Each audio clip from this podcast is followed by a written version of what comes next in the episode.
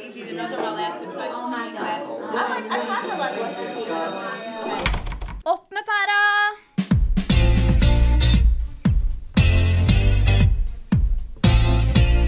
Velkommen til Opp med pæra. Den podkasten som diskuterer læring og undervisning i digitale omgivelser.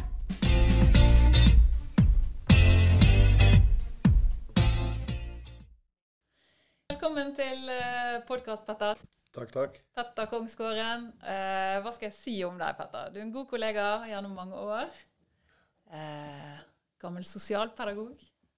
Har gått på Blindern i brun kålfløyelsjakke, tror jeg, i sin tid. Stemmer? Absolutt. Absolutt.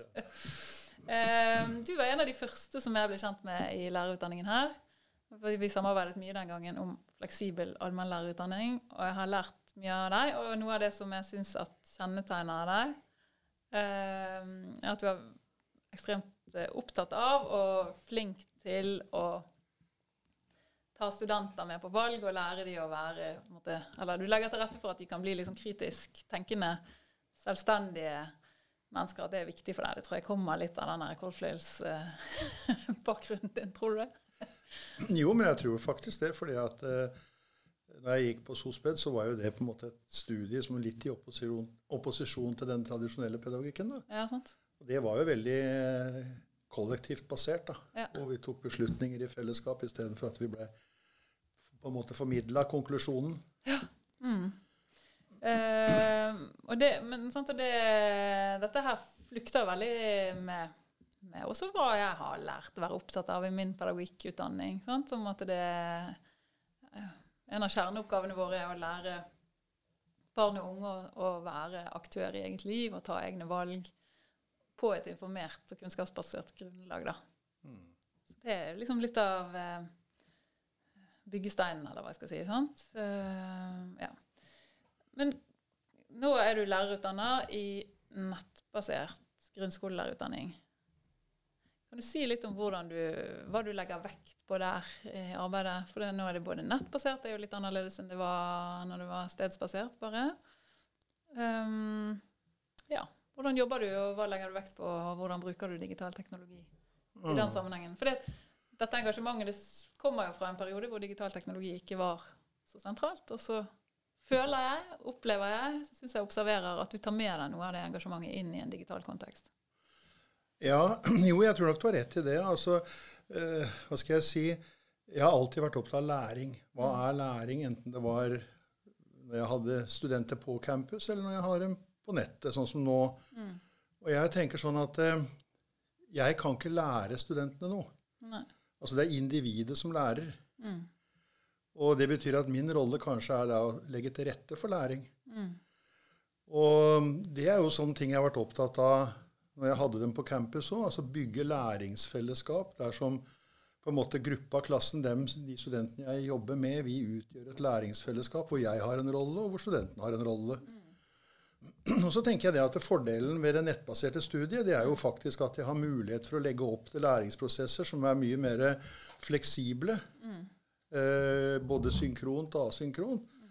Og som på en måte gir meg større handlingsrom, føler jeg da, når jeg har dem på, altså på nettet, bruker teknologien, enn jeg gjorde før. Så for meg så har jo det å, å, å jobbe med nettbaserte studier eh, bidra til at jeg kjenner studentene mine faktisk bedre nå enn jeg gjorde når jeg hadde dem på campus. Ja, hva kommer det av da? Jo, det kommer det at jeg kan nå dem uavhengig av tid og sted på en helt annen måte. Jeg kan være tilgjengelig. Og så er det klart at det der er noen utfordringer. fordi at det å gjøre seg tilgjengelig, det betyr jo at studentene også benytter seg av den tilgjengeligheten. Men det er jo noe av det som er på en måte kjennetegnet med samfunnet vårt i dag. da. Det er jo at det er en voldsom tilgjengelighet. Og som gjør det at vi får noen utfordringer. Altså ting blir mer komplekst. Men Det betyr ikke at jeg kan lukke øya for den kompleksiteten. Jeg må klare å håndtere den. Og det må jeg også på en måte bevisstgjøre studentene mine om også. At det å være lærer i dag, det er annerledes enn for relativt sett få år siden. Og det handler jo litt om tilgjengelighet, tenker jeg, og kompleksitet. Så, så for meg så, så eh, har jeg utvikla min, min didaktikk, da, forhåpentligvis, det er liksom det som har vært intensjonen min, da, i tråd med samfunnsutviklinga. Så um, Det er vel det som på en måte kjennetegner meg, at uavhengig av bruk av digital teknologi Og jeg sier digital teknologi fordi at eh, blyanten er jo også en form for teknologi. Men eh, så har eh, det å bygge læringsfellesskap, som på en måte har vært mitt, min intensjon, da, eh, sånn at jeg kan legge til rette for studentenes læring, og bli en del av det læringsfellesskapet, den har gjort det på mange måter enklere for meg via teknologien. Men ok, du sier at dette med tilgjengelighet kommer med noen utfordringer, og så sier du at du blir bedre kjent med studentene dine fordi du kan møte de fleksibelt, uavhengig av tid og sted. Når møter du de, og hvordan møter du de, og hva, hva møtes dere om? liksom? Nei, du kan si det at eh, jeg tenker at uansett om du har eh, studenter på campus, eller du, altså i, en, i, en, i et klasserom, eller du har dem på nettet, så er jo dette her med å bygge strukturer, altså ha en form for forutsigbarhet, det er jo veldig viktig. Og min forutsigbarhet den ligger jo i at jeg bruker disse læringsutbyttebeskrivelsene. Jeg bruker disse eh, måla som står i, i emneplanene. Dem, dem eh, operasjonaliserer jeg til mer eh, hva skal vi si eh, håndterbare mål, da, læringsmål. Og så er det jo dem jeg bruker til å skape strukturen rundt. Og da har jeg ofte innledning, sånn at jeg veileder dem inn i disse læringsutbyttebeskrivelsene, disse læringsmåla, for dem er jo ikke nødvendigvis intuitive. Så jeg må gi studentene mine et visst bilde av hva som ligger av forventninger inn i et sånt mål. Og så utfordrer jeg jo dem da til å, til å, å, å øh, hva skal vi si, bearbeide mine innspill ved at de sjøl da, også selvfølgelig med hjelp fra meg, finner kilder som kan bygge opp under det som er tema. Det som på en måte utkrystalliserer seg i disse målformuleringene. Og da ser du det at de, når de skal jobbe seg inn i den problematikken og anvende ulike typer kilder, så må de kunne håndtere kildeinnhenting. Altså de må ha kompetanse i eh, håndtere informasjon, kunne hente ut kilder, og det må jo jeg lære dem. Så du, du gir ikke de bare Eller du, slipper du pensumliste, eller? eller? Jo, men altså, pensum blir jo til Ja. i den prosessen hvor vi henter ut informasjon. ja. Fordi at eh, de kan ikke ha et, et gitt pensum når de kommer inn på universitetet, for det betyr jo at da har jo jeg valgt på deres vegne. Og jeg kjenner det jo ikke. Jeg må jo bli kjent med dem først for å se hvilken kapasitet har de. Hvor er forkunnskapene deres? Hvor er interessefeltet deres inn mot de temaene vi jobber med? Så du kan si at jeg må bli en partner i det læringsfellesskapet hvor vi diskuterer disse kildene. Og jeg hjelper dem å finne dem, og de finner eh, kilder, og de diskuterer med meg og med medstudentene relevansen i de kildene. Og, og hele tida med det mål for øye at det skal være med å gi, det, gi studentene informasjon, eh, og etter hvert bygge kunnskap. For jeg tenker at hvis du ser på informasjon, så kan du tenke at eh, gjennom informasjon så kan du lære. Du kan jo lære deg en oppskrift. Det betyr ikke at du har kunnskap. For kunnskap det innebærer at du må kanskje hente informasjon fra ulike steder, lære hva det innebærer, bygge en forståelse gjennom å reflektere over det du lærer. Sånn bygger du forståelse. Og når du bygger forståelse, så utvikler du kunnskapen din fordi at du får motforestillinger. Og når du da får motforestillinger, så kan du bruke den kunnskapen og anvende den inn i nye kontekster, og så har du kompetanse. Så du kan si at det er disse, disse begrepene som vi opererer med i forhold til Kunnskapsløftet f.eks. Kompetanse. Nå kommer fagfornyelse med dybdelæring. Det er ikke for meg noe annet enn at vi må lære studentene å kunne håndtere ulik type informasjon. Kunne uh, se hva som er relevant i forhold til hva jeg skal hente ut av den informasjonen, og bygge kunnskap.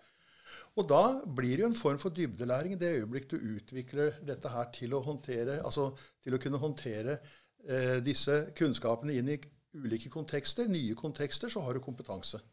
Så det som er litt synd, tenker jeg, med sånne en, altså Når man bygger nye, eh, justerer planer eller bygger nye eh, læreplaner, så, så etablerer man nye begreper. Istedenfor Ja, ja. å se hva er det dette her egentlig inneholder reelt sett. For, for meg så er ikke dybdelæring noe annet enn at du har evne til kritisk tenkning, kritisk refleksjon. med utgangspunkt i at du må danne, du må konstruere kunnskapen din sjøl. Men, øh, men hva er, jeg føler deg veldig i dette, men hva er begrunnelsene dine for hvorfor du For du tar da egentlig Studentene kommer inn og har pell, og så er det når de er ferdig, så har de typ en pensumliste, og pensumlisten til uh, Pål er kanskje en annen enn pensumlisten til Else. Riktig? Altså, Ja. du, du kaller det sikkert ikke pensumliste, da, men altså den litteraturen de har forholdt seg til Kildegrunnlaget er forskjellig. Er forskjellig, men de skal ha nådd samme læringsutbytte, men på ulikt nivå. Riktig?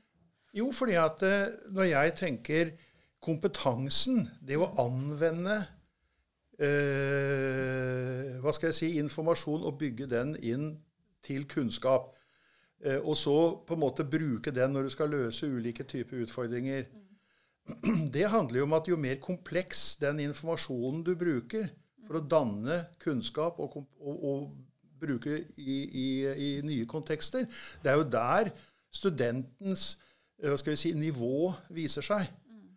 Altså, Feilen tenker jeg med å tenke en sånn tradisjonell pensumliste, det er jo med tanke på et 20. århundre hvor man oppfatta at kunnskap var noe objektivt. Altså, Da lå det i en pensumbok eller en, eller en eh, emneplan, eller hva man vil kalle det. En pakke, liksom. Ja, ja, altså. Da var det noen som på bakgrunn av å ha en form for ekspertise kunne formidle hva som var viktig å kunne, eller lære seg, da. Og så var det jo da opp, for, eh, opp til studenten da, å på en måte gjengi dette her så, så nøyaktig som mulig, fordi at det var det som ga deg kred. Det var det som ga deg, eh, kan du si, eh, en god karakter. da. Mens for meg så er jo et, det 21. århundret er jo ikke bygd på den måten der. Der forandrer jo informasjonen seg fortere enn vi nesten snur oss. Og Det betyr det at den kompleksiteten den må studenten kunne håndtere. Og det er der nivået til studenten viser seg. Hvordan klarer Hvordan klarer du å håndtere ulik type informasjon med ulik type kompleksitet? Og når jeg sier kompleksitet, så handler det litt om det med eh, hvordan er det den informasjonen på en måte formidler et budskap? Er det ved, altså du kan bruke et eksempel. da, Imsen, som kan være en veldig god bok for mange studenter. kan være en veldig god bok fordi at den behandler mange temaer. Eh, og gir deg et overblikk. Men den er Bibel, ikke, men den- Peddens Bibelen har Ja, vært nesten ikke sant? som det. Ja, ja. ja, men for, for meg så er ikke den en tilstrekkelig kilde for å gå i dybden. Nei. Fordi at hvis du vil gå i dybden, f.eks. på didaktikk, da, så kan du begynne med Imsen for de som har behov for det, men så er det andre igjen som kan gå direkte på en mer utfordrende eh, bok som, eller, eller artikkel eller kilde da, som kanskje bare forholder seg til didaktikk som tema. Så ser du det at da vil det være mye mer krevende for studenten å håndtere det. Eh, Men det er jo der studenten kapasitet viser seg. Og så ser du det at hvis du, hvis du da bygger eh, disse læringsprosessene i det jeg kaller læringsfellesskapet, da, hvor jeg som fagperson inngår, hvor medstudenter inngår, så blir jo dette her Vygotsky i praksis. Hvor du tar tak i elevens proksimale utviklingssone på en måte. Og hvor dette læringsfellet kan bidra til å hjelpe deg og utvikle deg videre fra der du står. Ikke sant? Og, og, og, og bevege deg videre. Og da er det min oppgave da, å hjelpe den enkelte student eller studentgruppe å finne de kildene som er relevante for å bringe vedkommende videre. Og Hvis det spranget blir for stort eller for lite, kan du si, så ser du da, da, da mister studentene motivasjonen. Vil, eh, tenker du at dette er liksom en sånn voksen, altså at du krever at du er voksen, eller tenker du at det er denne måten å tenke på har overføringsverdi til skole? Ja, jeg tenker, altså, du, du, du møter jo i barnehaven. Ja, Du, du møter, du, jo, men du møter jo fra, fra barnet er holdt jeg på å si, i stand til å kunne formidle tanker, så er jo barn undrende. Og de stiller spørsmål med uke, ulik preferanse. Altså Det er ikke for ingenting at det, når du ser ungers eh, eh, muligheter i dag, har jo veldig stor sammenheng med foreldrenes utdanningsbakgrunn. Det er jo fordi at de kommer inn i et utdanningsløp med forskjellig primærspråk. Altså det språket hvor de har når de på en måte er en del av eh, hjemmekulturen, kan du si. da. Og så møter de et sekundærspråk som er det mer akademiske. Og hvis det er for stor avstand mellom de to, så får barnet eller eleven eller studenten problemer med å tilegne seg eh, sekundærspråket. Så for meg så er det jo viktig å ta utgangspunkt i studentens forutsetning for å se hva er det du har av ballast som når du kommer inn i det systemet her. Og sånn må jo førsteklasselæreren også tenke. Hva slags belast har den eleven som kommer inn? Noen kan jo masse bokstaver, andre kan lite. Noen kan lese. Noen kan til og med skrive. Altså den, Det spennet der er jo kanskje vel så stort i første klasse i barneskolen som det er i den målgruppa jeg jobber med som studenter. Da, men da er du på, på, på, oppgaven, at oppgaven må tilpasses. Men tenker du også innholdet? Ja, læringsressursene ja, bruk av som elever bruker? Ja. Bruk av, det, bruk av den, den, eh, informasjonen som du trenger for å løse en utfordring. Hvis jeg forteller deg hvilken informasjon du trenger, og hva du skal lese, og når du skal lese det, så fratar jeg deg den utfordringen som ligger i at du bygger på erfaringene dine på den kompetansen du har fra før av. Og Det er jo den som bringer deg videre, den som motiverer deg. Og så må jeg da stille de krava på en måte som utfordrer studenten til å strekke seg. Og da ser du hvor viktig det er at jeg er tilgjengelig, og jeg kan møte studentene. Det er jo derfor jeg bruker programvare som gir meg mulighet til å møte studentene med, i sann tid. Ja, for du, du, er ganske tett på de studentene. Ja, ja, ja. Det er ikke sånn at du liksom lar de velge helt fritt, nei, nei, nei. bare svømmer rundt der. Nei. nei. Og du kan si Jeg diskuterer jo ofte uh, målformuleringer med studentene på uh, webinarer, f.eks. Altså sånne uh, møter hvor jeg kanskje møter fem, seks, sju, fire, fem, seks, sju studenter. Og hvor vi diskuterer hva, hva ligger i disse målformuleringene. Hvordan forstår dere dem? Hvordan forstår jeg dem? Hva er den felles forståelsen av hvor vi skal nå hen nå? Og Hvis ikke vi har den felles forståelsen, hvordan kan jeg da kunne hjelpe studentene? Men bruker du mye tid Petter, på å liksom, lese deg opp, sette deg inn i nye fagstoff, nye artikler? Dagsaktuelle saker. Ja, jo, men jeg, jeg, er veldig opptatt av det. Men det er jo det som er det, sto, det fine ved det læringsfellesskapet. Det er jo at det er jo ikke bare jeg som skaper uh, dette kildemangfoldet. For det bidrar jo studentene med i aller høyeste grad sjøl. Mm. Og Det er derfor vi har uh, disse, deling, altså disse plattformene som gir rom for deling. Så studentene er jo like ivrige til å legge inn kilder som det jeg er. Og når studentene jobber via disse plattformene, så er jo alt synlig, alt er transparent for alle gruppene. Sånn at de ser jo Oi, der er bare noen som jobber med den kilden. Ja, den har ikke vi sett. Men den var litt interessant. Den har vi lyst til å jobbe med òg. Så du ser at dette her genererer jo Eh, kan du si, eh, et, et kildetilfang og en innhenting av informasjon mm. som jeg overhodet ikke hadde vært i nærheten av å kunne skape ved kun å være den som formidler kilder. Nei, stemmer. Så de studentene i de læringsfellesskapene som er disse gruppene, da, ja. de eh, bringer også kilder ja. til torget, holdt jeg på å si, sant? som ja. du blir eksponert for. Mm. Ikke sant? Og når de sitter og samskriver f.eks. på nettet da, mm. i, i, denne, i, i denne plattforma, så vil jo alle disse samskrivings, samskrivingsdokumentene være tilgjengelige for de andre studentene. Mm. Men du, jeg, har, jeg, kom på noe i sted når du sa det der med barnehagen. Husker du når vi var i Arendal på disse disse kompetanseutviklingstiltakene?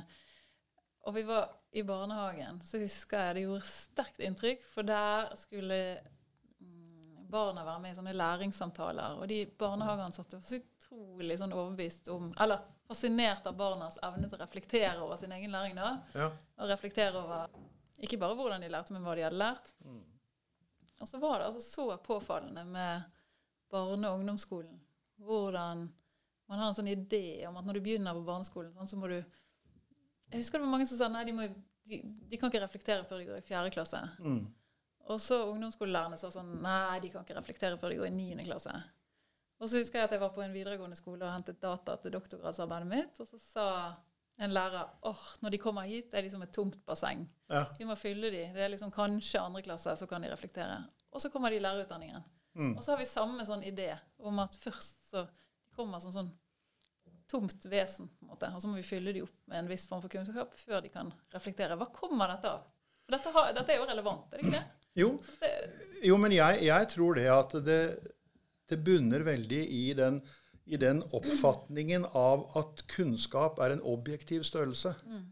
Altså Det er en gitt kunnskap, og da har du tilbake til det 20. århundre. ikke sant? Også dette her med, med ekspertenes rolle i, i, det å formidle hva som er rett, og hva som er feil. Og du kan si det at eh, jo lenger oppover du kommer i skolesystemet, jo mer opptatt blir du av å ha de riktige svara. Men det for meg, det er mye viktigere å ha de riktige spørsmåla enn å ha de riktige svara. Så du kan si det at eh, hvis du går til barn fra barnehaven, da, så undrer jo de seg. Altså du kan si Det er jo menneskets natur det, å stille spørsmål. Uh, og det er klart det at uh, Hvis det å stille spørsmål da handler om å ha et rett svar, så er du veldig usikker på hvis du ikke også har det rette svaret når du stiller spørsmålet. Det er jo det som gjør at barn og unge, og for den saks skyld studenter, vegrer seg for å synliggjøre. For det de er redd for, er å synliggjøre sin utilstrekkelighet eller sin uviten, på en måte. da. Men, men, der har jeg lyst til å gi kred til, til Hattie. fordi at når han snakker om tilbakemelding, feedback Hvis ikke studentene gjør feil, hva skal du da veilede på? Mm. Så det er klart det at det å, å, å stimulere, eh, gjøre studentene trygge på at de kan eh, hva skal vi si, synliggjøre sin kunnskap, og at den i seg sjøl er viktig, så vil du få opp dette delingsfellesskapet og læringsfellesskapet. Men det avlæres i skolen. For Hvis du ser en førsteklassing ja, som du sier barnehaven, da, og kommer over i første klasse, så blir de styrt inn i ei trakt hvor denne undringa eh, blir mindre og mindre, for læreren må komme igjennom ting. Altså Det er en ganske interessant eh, forskningsrapport eller artikkel nå som kommer fra Lesesenteret i Stavanger, som har vært inne i første klasse og sett, og ser det at muntligheten i første klasse er nærmest fraværende. Bortsett fra når læreren stiller et spørsmål hvor læreren ønsker et svar for å kontrollere om eleven har fått med seg det som har vært viktig eller ikke. Er du nå i et teknologirikt klasserom? Nei, uavhengig, uavhengig, av teknologien. Ja. Og det er klart det at eh, Når læreren da sier nei fordi at det er veldig vanskelig å måle muntlighet Og Da ser du det at vi har fått en skole som er opptatt av det som er målbart, det som kan dokumenteres, og det er klart, Da gjør læreren også det som er lett å måle. Altså Da kutter du ut den muntlige biten, fordi at den er vanskelig for læreren å måle. Mm. Men du, eh, I sted så snakket jeg med noen av studentene dine. Mm. Um, og da var det en av de som begynte å tenke, eller reflektere da, over om, om den måten å jobbe med læringsutbyttebeskrivelser og finne eget fagstoff og liksom diskutere og reflektere var mer relevant i noen fag enn i andre. Og da var, da var tanken at hmm, hvis du skal lære om anatomi, hva da? Hva vil du si til det? Jo, men altså, du kan si det at uh, Jo, altså lære om anatomi du kan, du kan, jo godt lære om kroppen. Mm. Så er spørsmålet forstår du kroppen. Mm. Forstår du de mekanismene? For, forstår du sammenhengen? Du kan lære om de ulike delene. Eh, ikke sant? Eh, og det jo, kan jo være greit. Det kan jo være i mange sammenhenger re relevante faktaopplysninger. Men så vet jo vi at hvordan henger disse tingene sammen? Hvordan fungerer det som en helhet? Der er jo ikke sikkert at det er en enighet om hva som gjør at ting fungerer som det fungerer, eller ikke fungerer. Så jeg tenker det at eh, fakta, det trenger du når du skal reflektere. Ja. ja men, men, det å sette sammen faktaene, det er jo der jeg snakker om informasjon som blir til læring. Men i det øyeblikket at den læringa går til kunnskap, så må den settes inn i en kontekst. Altså Den må, den må møte ulike innfallsvinkler for å skape den forståelsen. Og Da trenger du å diskutere med noen om hvordan er dette her, hvordan henger det faktisk sammen. Ikke sant? Altså Du ser jo dybdelæring er jo et, et sånt aspekt. Fordi at de som jobber, de, altså Hvis du ser på Ludvigsen-utvalget, så har jo de møtt, blitt møtt med en viss kritikk fordi at uh, deres forståelse av dybdelæring har om, handler om kognitiv læringsteori. Altså det som handler om hodet. Så er det noen som sier det at jo, men dybdelæring er noe mer enn hodet. For det er hele mennesket. Vi lærer med kroppen. Ikke sant? Altså det å utøve ting, det å, å øh, gå ut og erfare, f.eks. For, for du ser jo at unger i dag de lærer jo mye mer enn bare å sitte og tenke. Altså, så, så, jeg mener at selv om, du, selv om du tenker at de fagene hvor, du, hvor i liten grad er faktabasert da. Jeg, jeg, merker jo når jeg har studenter nå i lektorutdanninga på Kongsberg, hvor du har uh, lektorutdanning i realfag, altså mm. fysikk og matte, de blir jo veldig frustrert uh, når de møter PED. fordi at det er, men, men, hva er da svaret, Petter sier til meg? Hva er riktig? Og når jeg sier at det er ikke noe som er riktig eller feil, det er det vi skal diskutere oss fram til. Og så må du da hente informasjon for å bygge din argumentasjon. Sånn at den kunnskapen du formidler, det er din forståelse. Ikke sant? Det er jo da du blir et handlingsorientert individ. Hvis ikke så blir du et passifisert individ som blir en sånn derre eh, hva skal jeg si, administrator av andres eh, tenkning. Du skal være en kreativitet i forhold til din egen tenkning. Altså din egen meningsbygging. Ja, Men du stiller noen krav? altså Det er på en måte ikke sånn at eh, anything goes. Nei, nei, nei.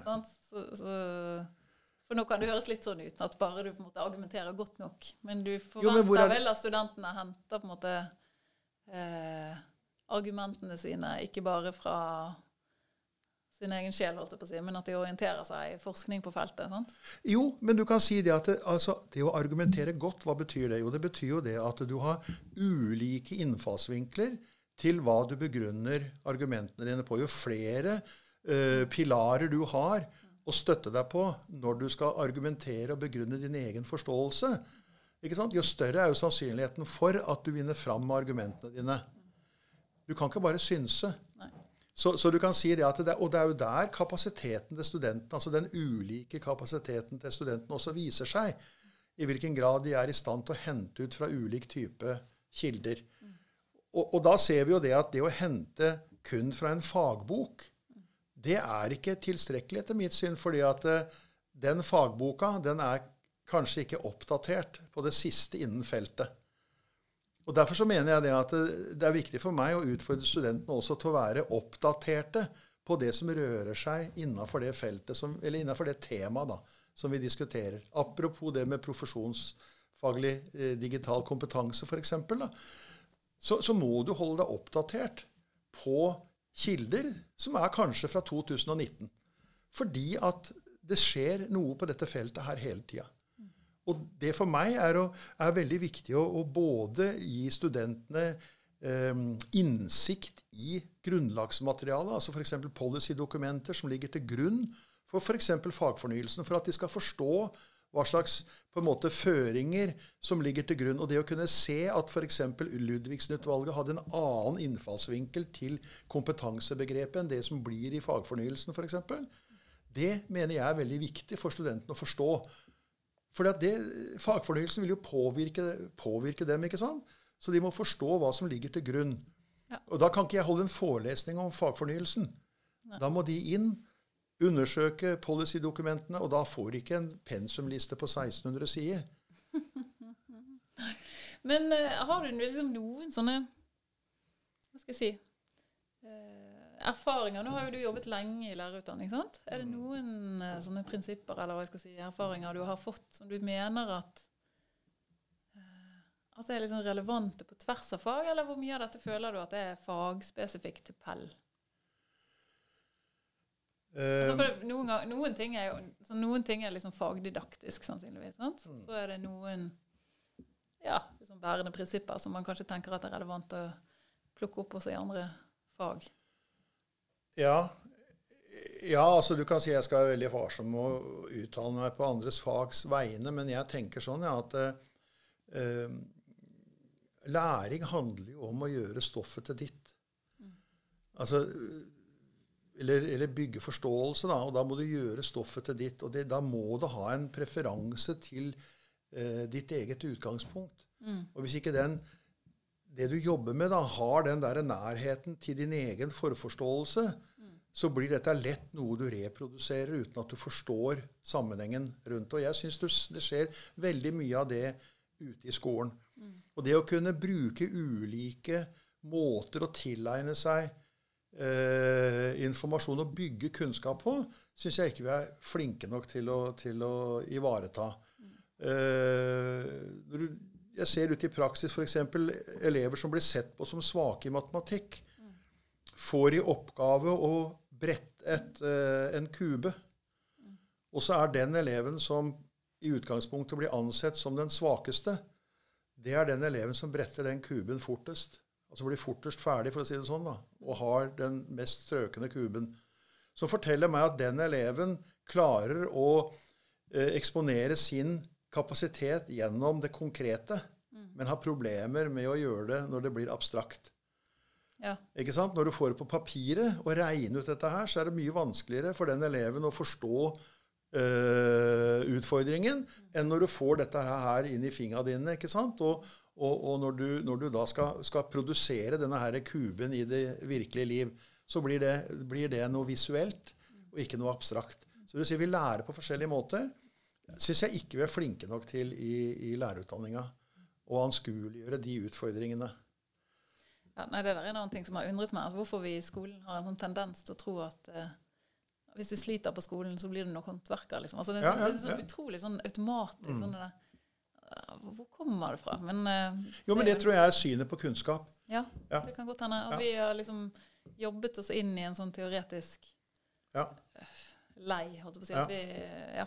Ja, og Derfor så tenker jeg det at eh, det da er det litt skummelt hvis dybdelæring primært handler om å fordype seg inn i emner og reflektere.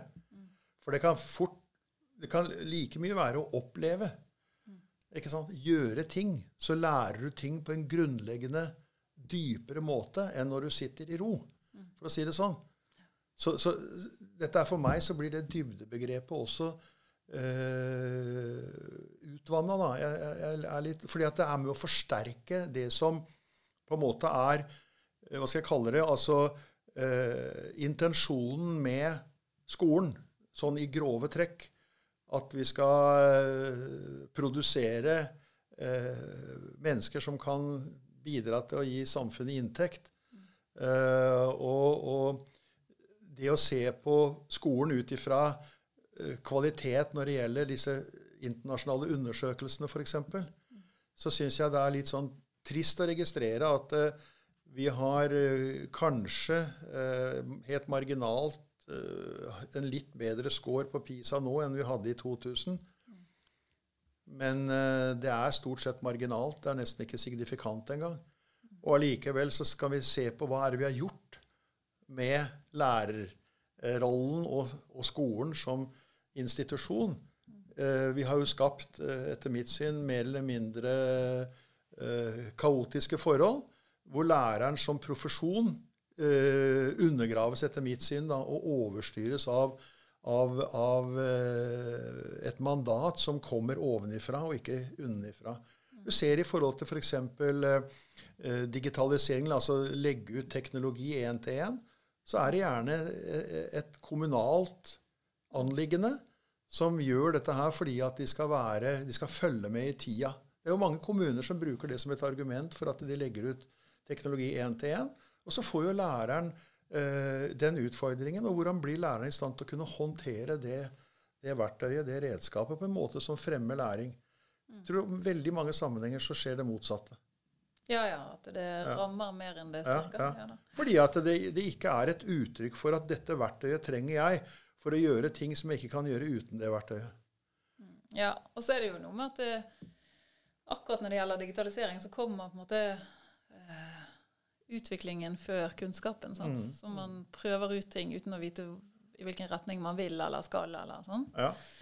Og så går det på skjær innimellom. ja. Og det er jo Ja, nei da. Det er Ja, viktig også- å følge med på. Men å diskutere det som du innledet med, da. Lære, altså hva er en god læringsprosess? Ja, for du ser det at det er ikke vanskelig å finne forskning som, som gir uttrykk for at uh, det å lese på skjerm er negativt. Eller finner forskning som sier det motsatte. Og sier det at avhengighet av teknologi er negativt. Og finner forskning som sier nei, det er ikke noe problem, fordi at avhengigheten er knytta til andre faktorer enn teknologien. Det er ikke teknologien som gjør deg avhengig, men du flykter inn i teknologien fordi at du kanskje har trøblete på andre måter. Så du kan si det er ikke vanskelig å finne informasjon som støtter de ulike synspunktene. Og det er jo noe av det som er utfordringen i dag. Da kan du ikke snakke om den objektive kunnskapen. Nei. Da må du gi elevene dine og studentene dine kapasitet til sjøl å kunne ta avgjørelser. Du må forstå kompleksiteten i, Kompleksiteten, i eh, virkeligheten. Mm. Og så må du være tilgjengelig når de sliter og strever og styrer med dette her. Så Derfor er du viktigere enn noen gang. Altså, eh, tusen takk, Petter. Eh, du har lært meg mye, også i dag. ja, ja, det er det, da. ja. ja. Nei, det er veldig bra. Um, skal vi avrunde? Ja. Tror vi har brukt opp tiden. Uh. Yes. ja, takk for praten. Takk for praten.